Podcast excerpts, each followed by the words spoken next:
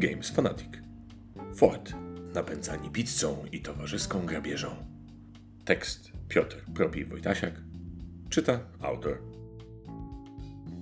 Zbierz paczkę kumpli, zabezpiecz prowiant i rozrywkę i zostań królem we własnym forcie. Nic prostszego, prawda? Niestety, zdobycie szacunku na własnym podwórku to nie rurki z kremem. Potrzeba odwagi, sprytu, mądrego doboru towarzyszy podróży i całkiem dużo szczęścia. Jeśli jednak czujesz, że masz to, czego trzeba, by stać się najbardziej ziomalskim ziomem na dzielni, chwytaj karty w dłoni i sprawdźmy, z czego jesteś zrobiony. Ruszajmy na podwórko! Dziewczynom wstęp wzbroniony? Młodzieńcza słabość do domków na drzewach, zamków z poduszek czy innego rodzaju baz i fortyfikacji to raczej domena chłopców.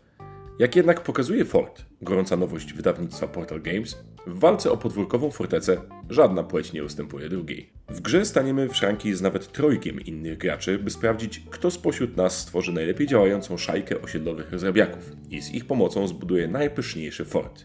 Albo znajdzie inne sposoby na zdobycie ulicznego uznania. Buduj fort, buduj talię. Fort to w esencji zabawa w budowanie talii z dwoma innowacyjnymi elementami.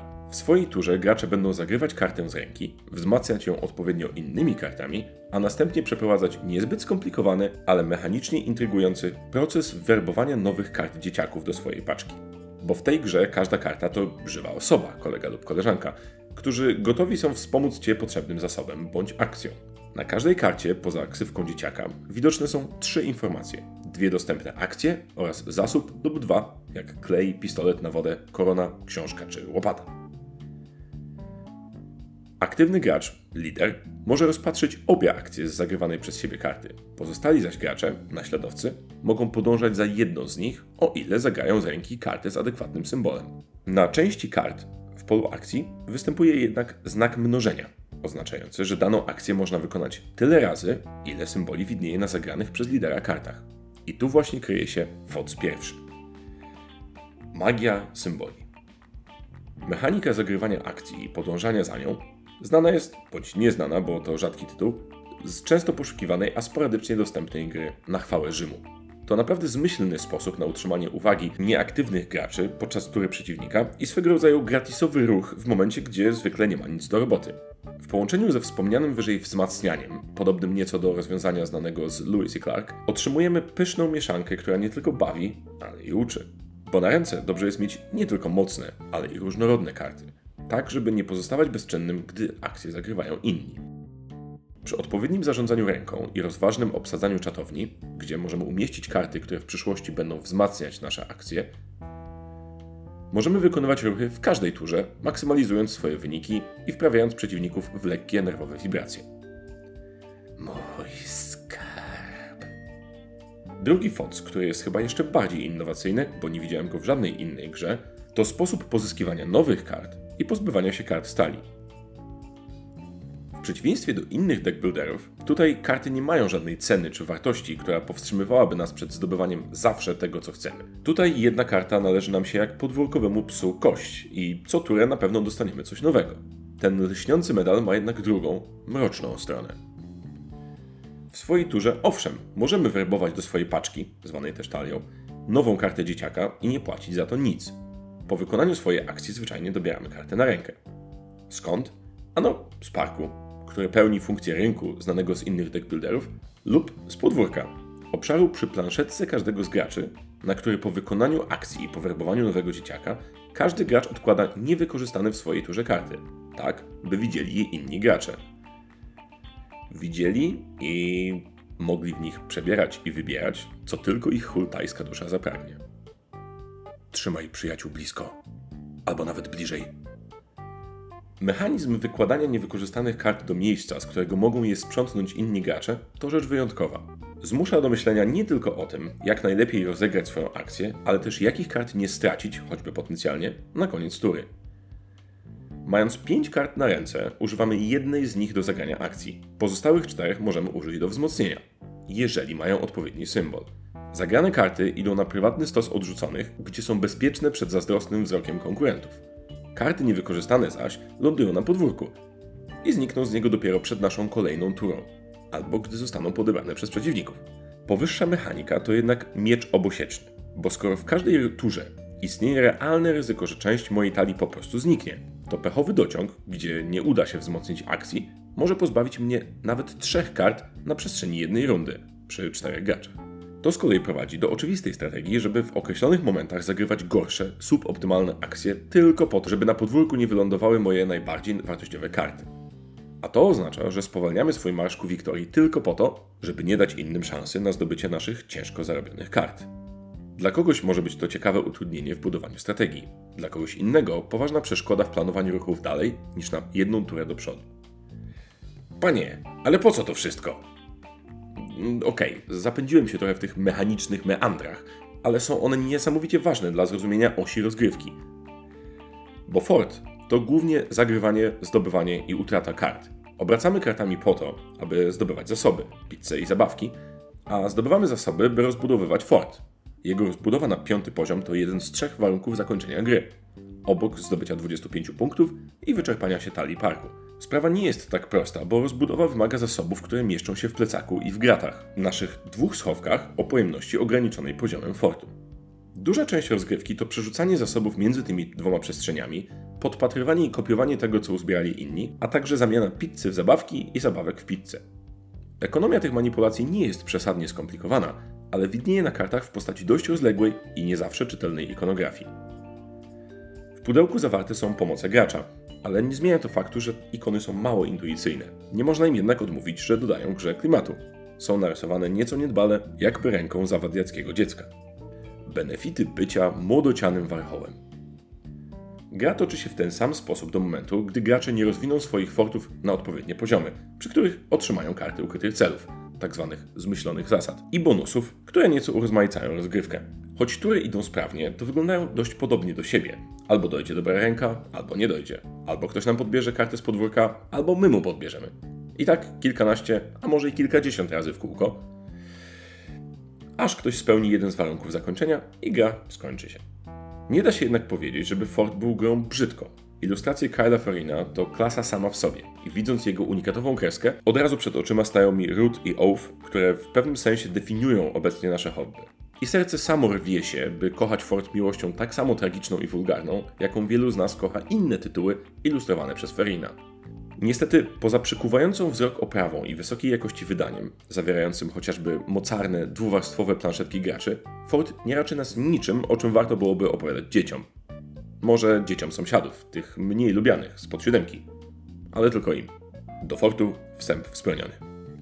Marketingowy fluff wokół gry podkreśla tu aspekty budowania paczki przyjaciół, ulepszania fortu i wcielania się w rezolutne dzieciaki, które na podwórku obrzucają się klejem, potykają na deskorolkach i oblewają wodą z pistoletów zabawek. Klimatu w grze nie zaimplementowano jednak na poziomie głębszym niż oprawa graficzna.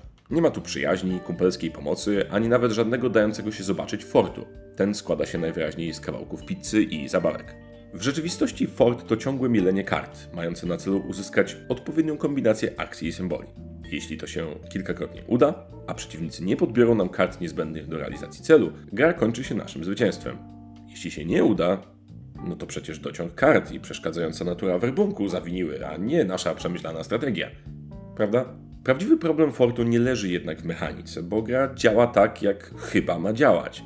Jest tu mechanizm zagrywania akcji i podążania za nimi. Jest często frustrujący, ale wciąż ciekawy sposób pozyskiwania i utraty kart ze swojej talii, a w końcu jest kilka sposobów na manipulowanie zasobami, które są motorem napędowym postępu w grze. I jedna ścieżka przez wszystkie podwórka. Wszystko to jednak nie składa się na wciągającą rozgrywkę. Nie ma tu dobrej zabawy. Ruchy są szybkie, bo i decyzje są raczej automatyczne, skoro w danym momencie tylko niektóre akcje są dla nas korzystne, czy w ogóle możliwe do realizacji. Często też zdarza się, że żadna akcja nie będzie nam na rękę, bo ani nie mamy za co punktować, ani jakichś zasobów przenosić, ani od kogo skopiować zawartości plecaka. Brakuje w tej grze możliwości odskoczenia gwałtownie do przodu za pomocą jakiegoś ciekawego combo, dzięki któremu mocno zapunktujemy czy znacząco zwiększymy pojemność swojego plecaka. Niestety, zarówno jego objętość, jak i objętość czatowni, za którą zdobywamy punkty, są ściśle powiązane z poziomem rozbudowy fortu, za który również zdobywamy punkty. Rozwój nie następuje więc skokowo i mimo najszczerszych chęci zmuszeni jesteśmy miarowo i stopniowo osiągać kolejne ulepszenia. Z drugiej strony nie występuje tu problem kingmakingu. Żaden gracz nie wysforuje się daleko przed innych, o ile oni nie będą mu na to systematycznie pozwalać. Problematyczna jest też kwestia zwycięskiej strategii. Punkty zdobywać można za poziom fortu i karty w czatowni, tej przechowalni, która ułatwia nam wzmacnianie akcji, ale jej pojemność jest ograniczona przez poziom fortu. Najszybciej więc do zwycięstwa dojdziemy rozbudowując fort, co oznacza, że wszyscy gracze w pewnym momencie będą podążać podobną ścieżką i szukać podobnych kart. Specyficzna jest też interakcja między graczami i jej nieintencjonalność. Karty umieszczane na podwórku mogą potencjalnie zniknąć, ale mogą też do nas wrócić, bo akurat w parku pojawi się coś ciekawszego. Czasem zaś pozyskanie wymarzonej karty to kwestia łutu szczęścia, bo akurat przeciwnik nie miał jak jej zagrać w swojej turze, więc wylądowała na podwórku, zupełnie bezbronna wobec naszych lepkich rąk. Final Forts Trudno mi umiejscowić fort w jakiejś sensownej przegródce. To niebanalna mechanika i dość proste zasady, natomiast czas rozgrywki, który często przekracza 40 minut, dyskwalifikuje ją jako filler. Nie jest to też gra, do której chce się od razu wracać. Nie jest to danie wieczoru. Na to, co się w niej dzieje, trwa i tak zbyt długo, a losowość i przypadek mają tu zdecydowanie zbyt duży wpływ na wynik, żeby traktować Fort jako poważny tytuł na długi wieczór wśród graczy graczy. Z kolei dla graczy niedzielnych będzie to pozycja zbyt mało elegancka mechanicznie i zbyt mało ekscytująca, by wyciągać ją na stół częściej niż inne tytuły w podobnej klasie wagowej. Ciśnie mi się na klawiaturę cytat z legendarnego polskiego filmu. Dla kogo pan to gra? No i właśnie nie wiem, dla kogo to gra, panie i panowie. Ford wygląda bosko, jeśli kogoś nie razi wyjątkowo agresywna paleta kolorów.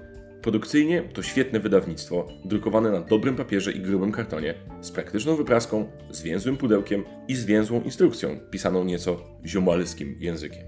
Mechanicznie i rozgrywkowo jest to niestety krok w bok w rozwoju gier. Wiem, że ta gra może się komuś spodobać, ale nie wiem, czy ktokolwiek potrzebuje jej na swoim regale powtórka z rozrywki. Te mechaniki w większości gdzieś już były i zostały tam lepiej wykorzystane, dając w efekcie bardziej wciągającą rozrywkę. Tematycznie nie ma tu czego szukać, bo gra szybko sprowadza się do szukania symboli, mnożników i przesuwania zasobów z miejsca na miejsce. Jako ewolucja mechaniki budowania talii jest to pozycja interesująca, ale jako grze po prostu brakuje jej elementu zabawy, czy poczucia humoru idącego dalej niż śmieszne ksywki na kartach. Moja kumpelska rekomendacja jest więc taka. Zachowaj swoje pieniądze, dozbieraj ich trochę więcej, a potem jeszcze trochę więcej i spróbuj zdobyć używaną kopię na chwałę Rzymu. Ta gra jest 10% bardziej skomplikowana, ale 110% bardziej satysfakcjonująca. A Ford może udać się kiedyś znaleźć u kolegi na podwórku. Wtedy możesz mu go zakosić, jak nieopatrznie spojrzy w inną stronę.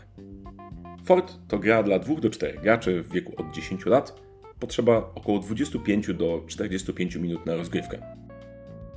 Zalety: wysoki standard wydania, unikatowy styl graficzny, świeże podejście do mechaniki budowania talii.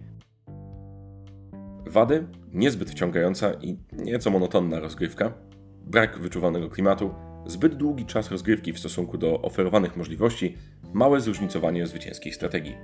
Po więcej zapraszamy na www.gamesfanatic.pl. Do zobaczenia na innym podwórku.